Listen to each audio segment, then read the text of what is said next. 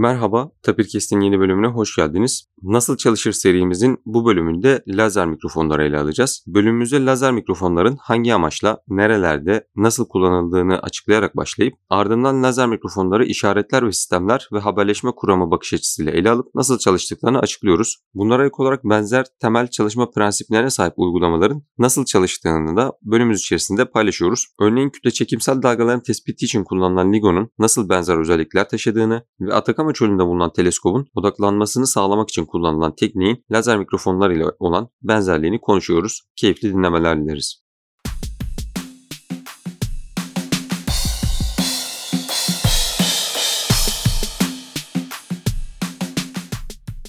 Sen hocam hoş geldiniz. Hoş bulduk Halil. Hocam Nasıl Çalışır serimizin yeni bölümünde bir araya geldik. Daha önce belli başlı birkaç temel aslında elektrik elektronik mühendisliği doğrudan alakalı cihazın, uygulamanın nasıl çalıştığı konusunda konuştuk. Şimdi bugün biraz daha aslında ajanlık filmlerinde, istihbarat filmlerinde ya da Hollywood aksiyon filmlerinde karşımıza çıkabilecek ki çıkmış hani James Bond filmlerinde bunu görüyoruz. Bir teknolojiden bahsedeceğiz. Lazer kullanarak, ışığı kullanarak belirli bir ortamdaki sesi nasıl duyabiliriz? Yani lazer ile sesi nasıl taşıyabiliriz? Lazer bir mikrofon gibi nasıl davranabilir? Bunun nasıl yapılabileceği konusunda bir insanlara açıklamak, insanlara bunun nasıl çalıştığını öğrenmesini sağlamak istedik. Buradaki motivasyonumuz nedir hocam? Mesela bir insan neden böyle ilginç bir şeye ihtiyaç duysun? Yani lazerle niye ses taşıyoruz? Öncelikle bana bu platformda yer verdiğiniz için tekrar teşekkür ederek başlamak istiyorum Halil. Aslına bakarsan sizin tapirkestler içerisinde çok da benim beğendiğim yakın zamandaki Spektrum bölümünde aslında bunun insanlığa belki de tırnak içerisinde hemen hemen hepsine yararlı olacak bir uygulamasından bahsederek girmek faydalı olabilir. Her şeyle bilgi taşınır ancak ışıkla ses taşımak ya da işte spektrumda da hatırlarsanız o başlık ışıkla duymak gibi bir başlık seçmişlerdi yanlış hatırlamıyorsam. Bazı şeyleri ışığın kendi karakteristikleri üzerinden daha kolay yapabilme ve bunun üzerinden bazı işlemleri daha hızlı yapabilme ya da bunun üzerinden bir takım şeyleri daha etkin yapabilme gibi işte mühendisliğin o üç temel doktrinini etkin yapabildiğimiz bir mecra olduğu için ışık kullanıyoruz. Yani tabii burada şu anlaşılmasın. Başka başka bir şey kullanılarak yapılamaz mı? Yapılır tabii ki. Ancak senin de verdiğin örnek güzel bir örnekti. Yani filmlerde işte ajan filmlerinde bir istihbari çalışma yapıldığında genelde bunları da kullanıyorlar. Bu tarz teknolojiler de kullanılıyorlar. İşte lazer ya da ışıkla bunu yapmak söz konusu ama tabii bu bizi tarihsel olarak bunun aslında eski bir teknik olduğunu söylüyor. Belin sözde diyoruz çünkü kanıtımız hemen hemen elimizde yok ancak bir takım patent başvuruları olan galiba tam adı fonofon olan ya da Edison'ın fonograf adını verdiğimiz işte sesin bir elektrik ortamında elektrik enerjisiyle ya da bir ışık ışık enerjisiyle bir yerde taşınması ya da tutulması gibi aslında problemi soyutladığımızda bir belki 100-150 yıllık bir olgudan bahsediyoruz. Tabi lazer mikrofon adı verilen tırnak içerisindeki teknoloji senin de dediğin gibi biraz ajan filmlerinde öne çıkan bir durum. Yani soruna geri gelecek olursak neden böyle bir şey yapalım? İşte az önce sözünü ettiğim nedenlerden ötürü. Birazdan belki ayrıntılı konuşuruz. Işığın hızından yararlanmak, ışık enerjisini diğer ortamlardan geçerken olumsuz etkilerden daha az etkilendiği bir enerji formu olarak düşünmek ve Özellikle işte az önce IEEE spektrumda konu olan şey gündeme geldiğinde bazı biyokimyasal olguların ışığa verdiği tepkilerin normal elektrokimyasallara göre biraz daha avantajlı olduğu durumlara değinirsek eğer ışıkla ses taşımak ya da bazı şeyleri ışıkla yapmanın avantajı ortaya çıkar diye düşünüyorum Ali.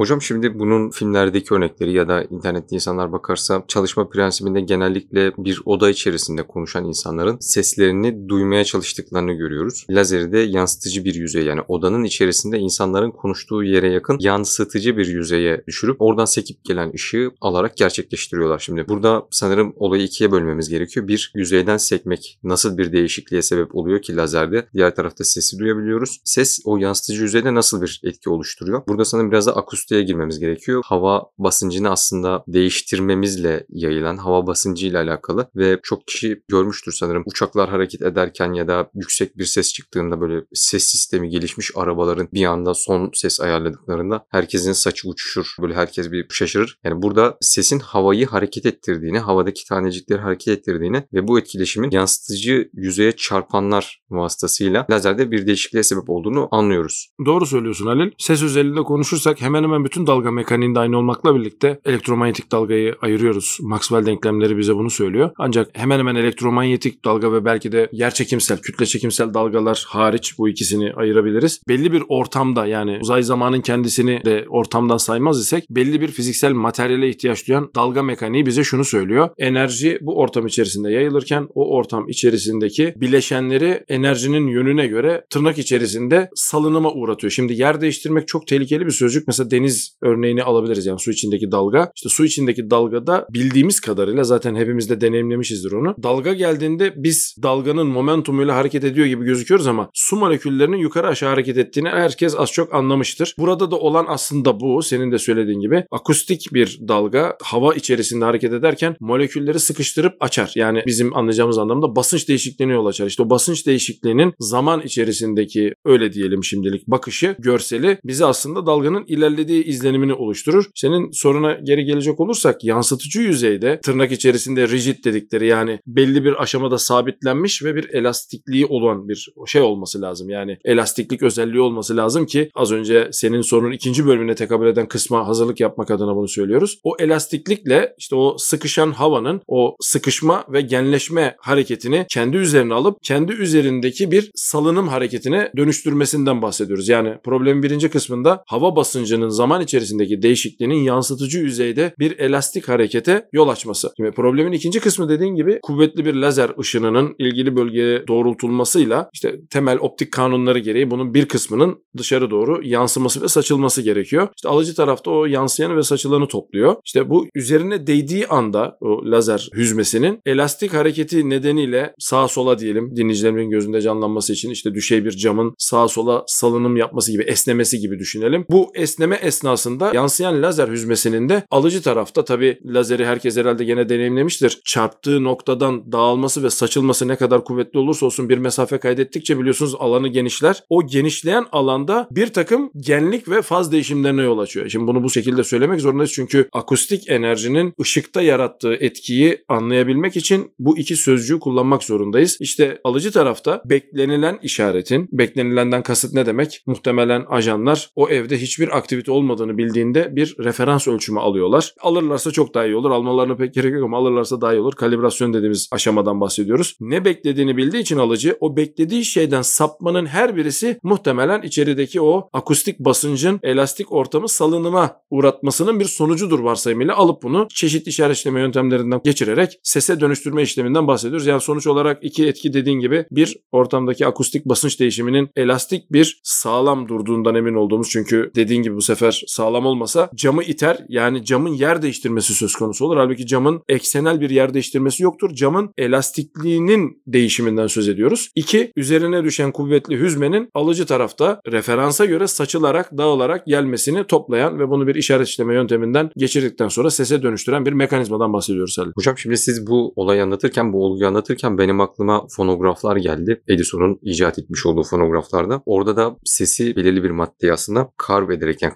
kazıyarak sesin yüksekliğine göre, oradaki sese göre belirli bir şekilde, belirli bir oranda içine girerek, değiştirerek fiziksel olarak oraya işliyoruz ve sonrasında bu yolu izleyerek, bu yolu izleyen daha doğrusu uç aşağı inme ve çıkma seviyesine göre belirli bir ses çıkartıyor. Bu elektrik işaretine çevriliyor. Aslında bir nevi kulak zarının çalışmasına da benziyor yani fiziksel olarak basınç değişiminin elektrik işaretine dönüştürülmesi. Ancak burada farklı bir nokta var. Fonograf gibi kayıtlı bir şey değil yani bir akış içerisinde İngilizce stream dediğimiz şekilde almamız gerekiyor ve eğer ortamda sanırım başka sesler de varsa onlar da etkilenecekler. Araya gürültü girecek. Ayrıca dediğiniz gibi materyalin elastisitesine göre de e, ne kadar başarılı bir sonuç elde ettiğimiz değişecek. Yani betonun üstünden alamayacağız biz bunu muhtemelen. Cam olması gerekecek. Ben burada alt tarafta yatan biraz da işaret işleme kısmına girmek istiyorum. Yani bunu çeşitli blok diyagramlara bölmek istesek lazeri gönderdiğimiz andan aldığımız ana kadar işaretin başına neler geliyor ve aldığımız yerde bunu tersine çevirmek için işaret işleme açısından, haberleşme kurum açısından ne tür araçlarımız var? Bunu iki parçaya bölebilir miyiz? Böleriz. Tabii ki birinci aşamada lazerin başına gelenleri kabaca söyleyelim. Lazer dediğimiz gibi çarptığı nokta ya burada tabii şunu da söylemek lazım dinleyenlerimize. Lazer örneğini vermemizin nedeni çok kuvvetli, neredeyse noktasal ve bir alıcı tarafından özelleşmiş bir alıcı tarafından kolayca tespit edilen bir ortam olması. Yani insanların aklına bu illa lazer olmalı gelmesin ama lazer işi çok kolaylaştırıyor. Biraz sonra konuşacağımız senin de sorunun altında yatan nedenlerden ötürü. Yani çok kuvvetli noktasal bir hüzmeyi doğrultup tutup önceden kalibre edilmiş şekilde başına neler geleceğini anlamak için önceden bir referans ölçümünün de var olduğu varsayımıyla bir alıcı verici sisteminden bahsediyoruz evvel emirde. Dolayısıyla orada lazer vurgusunun temel nedeni bu. Belki takipçilerimizin gözünden kaçmamıştır artık modern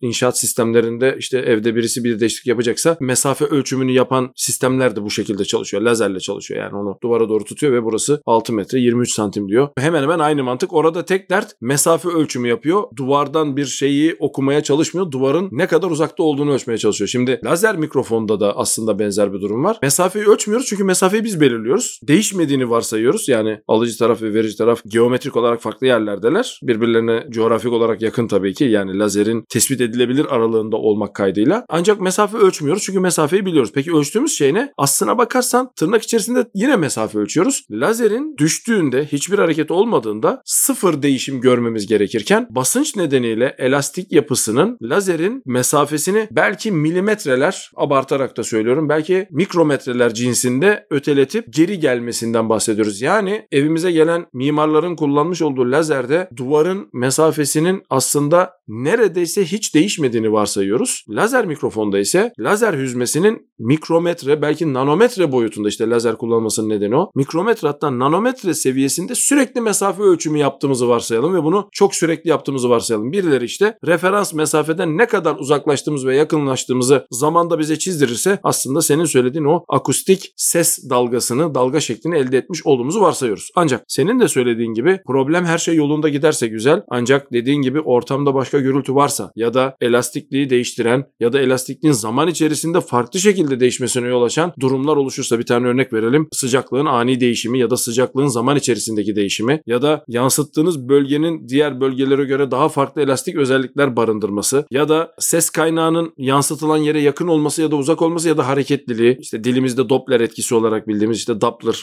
olgusunun gündeme geldiği durumlar ve dediğin gibi bunların hepsinin dışında birden bizim kendi kontrol edemediğimiz çevresel faktörlerin şu anda burada söylemeye listenin zamanı yetmez. Çevresel etmenlerin değişkenliği bu hassas ölçümü oldukça zor hale getiriyor. İşte bu yüzden senin de söylediğin gibi alıcı taraf mutlak surette çok güçlü bir işaret işleme bloğuyla donatılmalı. İşte karşımıza çıkan aslında temel problemler alıcı tarafa işaret ulaştıktan sonra yine söylediğin gibi gürültü, girişim, sürekli değişim arz eden işte güç farklılıkları ve birden fazla ses kaynağının gerekirse ayrılması gibi 4-5 temel işaret işleme problemine dönüşmüş oluyor Halil. Hocam şimdi genişçe lazer mikrofon nasıl çalıştığını konuştuk. Peki bölümün can alıcı noktası olsun diye iki cümleyle, üç cümleyle çok kısa bir şekilde temel ilkesini söylemek istesek lazer mikrofon için ne söyleyebiliriz? Lazer mikrofon en temel haliyle istemli ya da istemsiz bir ortamda ortaya çıkan çeşitli perturbasyonların, teknik dille perturbasyon dediğimiz ufak değişikliklerin öyle diyelim. Çok kuvvetli gözlem araçlarıyla, çok hassas gözlem araçlarıyla takip edilip o ufak değişiklikleri kaydedip ya da o ufak değişiklikleri gözetleyip orada ne olduğunu anlamaya çalışmak. Temel ilkesi bu hali. Bununla aynı ilkeye sahip çalışan diğer nasıl teknolojiler var, nasıl cihazlar var, bunları nerelerde gözlemleyebiliyoruz diye baktığımızda benim aklıma gelen ilk şeylerden biri hocam taramalı elektron mikroskobu oldu mesela. Orada da yine elektronları bir şekilde odaklayıp elektron tabancası ile gönderdiğimiz elektronun saçılımından, onların orada girdiği etkileşimden yansıyanları, oradan sekip gelenleri alıp ortamda nasıl bir fiziksel yapı var çok düşük çözünürlüklerde görebiliyoruz. Bir de buna ek olarak geçtiğimiz günlerde sanırım bir yerde denk gelmiştim. Dünyada hani şu an döşenmiş mevcut fiber optik kablolar var. Bu fiber optik kabloların üstünden geçen araçlar, iş makineleri, oradaki çalışmalar ve teknolojik hareketler çeşitli değişikliklere sebep oluyor fiber optik kablonun fiziksel olarak. Bir kısmı yukarı çıkıyor, bir kısmı aşağı iniyor. Bu da işinden geçen ışığın çeşitli özelliklerinin değişmesine sebep oluyor. Aslında laser mic'in çok benzeri. Sadece burada ışık bir kılavuz içinde gidiyor diyebiliriz diye düşünüyorum ve bunu kullanarak insanlar aslında sınırlarda güvenlik protokolleri geliştiriyorlar. Yani eğer biri geçerse o bölgede çok hassas bir fiber optik kablonuz var. Üstünden bir şey geçtiğinde sizin bundan haberdar olmanızı sağlıyor. Sanırım şeylerde vardı. Oceans filminde vardı mesela. Bir müzede çok değerli bir şeyin çalınmamasını istedikleri için her tarafa bir sürü lazer koyuyorlar. Eğer bunlardan birinden bir insan geçerse alarm ötüyor. Ama artık teknoloji o seviyeye geldi ki lazeri aşağıdaki bir kablodan geçiriyorsunuz. Adam sadece üstünde yürüse bile onu tespit edebiliyorsunuz diyorsunuz. Bu iki örnek benim aklıma geldi hocam doğruysa. Tabii ki aslında az önceki soyutlamaya uyan dediğin gibi en can alıcı teknolojiler arasından belki de neredeyse en önemlilerinden bir tanesi ben de aynı fikirdeyim. Taramalı elektron mikroskobu. Ama ölçekleri dediğin gibi küçükten orta ve daha büyüğe de çıkartabiliriz. Daha büyük ölçekte ele alındığında zaten aynı ilkeyi kullanan çeşitli teknolojiler mevcut Halil. İşte LIGO bunlardan ilk aklıma geleni kütle çekimsel dalgaları birbirine dik iki tane bu sefer lazer hüzmesini çok senkron, çok kuvvetli,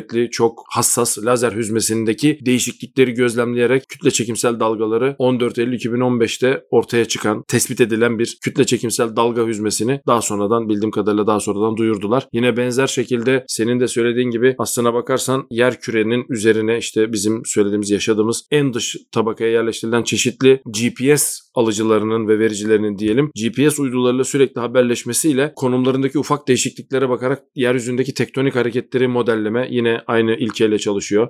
Hocam bu noktada benim aklıma gelen bir diğer şey de spektroskopi oldu. Yani maddeleri aslında yakıp bu yanmayı gözlemleyerek onların içerisinde hangi tür elementler olduğunu, ne tür maddeler olduğunu gözlemlemek ve bir de aklıma diğer gelen şey Türkiye'de ilaçlı MR olarak geçen aslında insan vücudunu bir şekilde radyoaktif maddeyle doldurup bu radyoaktif maddenin ışımasını yani burada pertürbe ettiğimiz şey aslında biraz insan vücudu oluyor. Bu radyoaktif madde içeride yaptığı ışıma ile sorunlu bölgelerin nasıl bir fiziksel yapıya sahip olduğu hakkında içeriden gelen dalganın karakteristiklerine bakarak ne olduğunu görebiliyoruz. Bu iki örnekte hem sağlıktan renkli Doppler da anjiyo da buna dahil dahildiğim kadarıyla ilaçlı MR, anjiyo, renkli Doppler ve spektroskopi ile kimya alanından belki örnekleri artırabiliriz diye düşündüm. Sen spektroskopi deyince aklıma belki de bunun neredeyse en pahalı ve en uç örneklerinden bir tanesi. Yani LIGO belki çok daha pahalı olabilir ama gözlem açısından ve spektroskopinin önemi söz konusu olduğunda işte kozmoloji, astrofizik gündeme geldiğinde Atakama'daki radyo teleskobunda kullanılan teknoloji geldi aklıma Halil. Orada kullanılan tekniğin adı, teknik terimi İngilizcesi Adaptive Optics yani uyarlamalı optik deniyor buna. Yapılan şu, her ne kadar Atakama çok yüksek de olsa oradaki hava kalitesi bir radyo teleskop gözlemi için neredeyse mükemmel olsa da ufak da olsa az da olsa bir atmosferik durum var ve herhalde herkes bilir işte yıldızların kırpışması dediğimiz etkinin işte atmosferik etkiden ötürü olduğu. Dolayısıyla bu etkiyi bertaraf edebilmek için çok güçlü bir lazer önceden kalibrasyon amaçlı teleskobun istediği doğrultuda bir yere atmosferin üst bölgesinde bir yere doğrultuluyor. Doğrultulan lazer özel bir dalga boyunda seçilmiş ve çok yüksek enerjili ki atmosferin ilgili bölgesinde bulunan yerdeki ilgili atomları, ilgili molekülleri uyarıp onların küçük çaplı bir ışıma yapmasını yani neredeyse atmosferde küçük bir yıldız oluşturmasını sağlıyor. O sırada radyo teleskop, Atakama'daki radyo teleskop bu kalibrasyon evresinde orayı tabii koordinatlar önceden bilindiği için oraya odaklanıyor ve orada noktasal bir ışık kaynağı görmeyi bekliyor. Ancak tabii ki atmosferik etkilerden ötürü o ışıma beklenenin dışında bir şey oluyor. İşte o aynalar özellikle işte radyo teleskopun aynaları diyelim onlara dizileri özel bir şekilde ayarlanıyor. Öyle bir ayarlanıyor ki orada noktasal bir ışık görene kadar. Benzer bir teknoloji James Webb'de de kullanıldı malum. Altıgen aynalar çok özel bir noktaya çok uzun süreler odaklanıp tek bir noktasal ışık kaynak görene kadar kalibre edildi. Aynı teknik aslına bakılırsa Atacama ve James Webb bence bunun en yakın zamanda kullanılan en pahalı iki tane örneği Halil. Teşekkürler hocam. Şimdi Edison'un yapmış olduğu fonograftan bizim laboratuvarda daha önce 1-2 dolarlık lazerlerle gerçekleştirmiş olduğumuz lazer mikrofon uygulamasından milyar dolarlık neredeyse çalışmalara, bilimsel çalışmalara hatta Kip Thorne'un LIGO çalışmasında Nobel ödülü aldığını da biliyoruz. Hatta artık bilim ödülleri altında çalışan 500 tane insan olduğu için tek bir insana değil bütün laboratuvara verilmeli gibi tartışmaların ilk ortaya çıkışına sebep olan Nobellerden de biri diye biliyorum. Kip Thorne bütün çalışma arkadaşlarına armağan etmişti o ödülü. Yani bir lazer mikrofondan başlayıp pek çok farklı alana yine değindiğimiz, değinebildiğimiz bir bölüm oldu hocam. Son olarak kapatmadan önce eklemek istediğiniz bir şey var mı? Son olarak şunu söylemek istiyorum Halil. Doğanın nasıl çalıştığını anlamak için kullanılan tekniklerin herhalde en başında doğayı gözlemek geliyor. Bugün konuştuğumuz, bu podcast kaydında konuştuğumuz mevzu bunu bir adım öteye götürüyor. Doğanın nasıl çalıştığını anlamak için doğayı sadece gözlemlemek yetmiyor olabilir. Doğanın içerisinde bir şeyleri değiştiriyor olmak da çok küçük ölçekte de olsa gerekiyor olabilir. Bu bizi şuna getiriyor. Gözlem,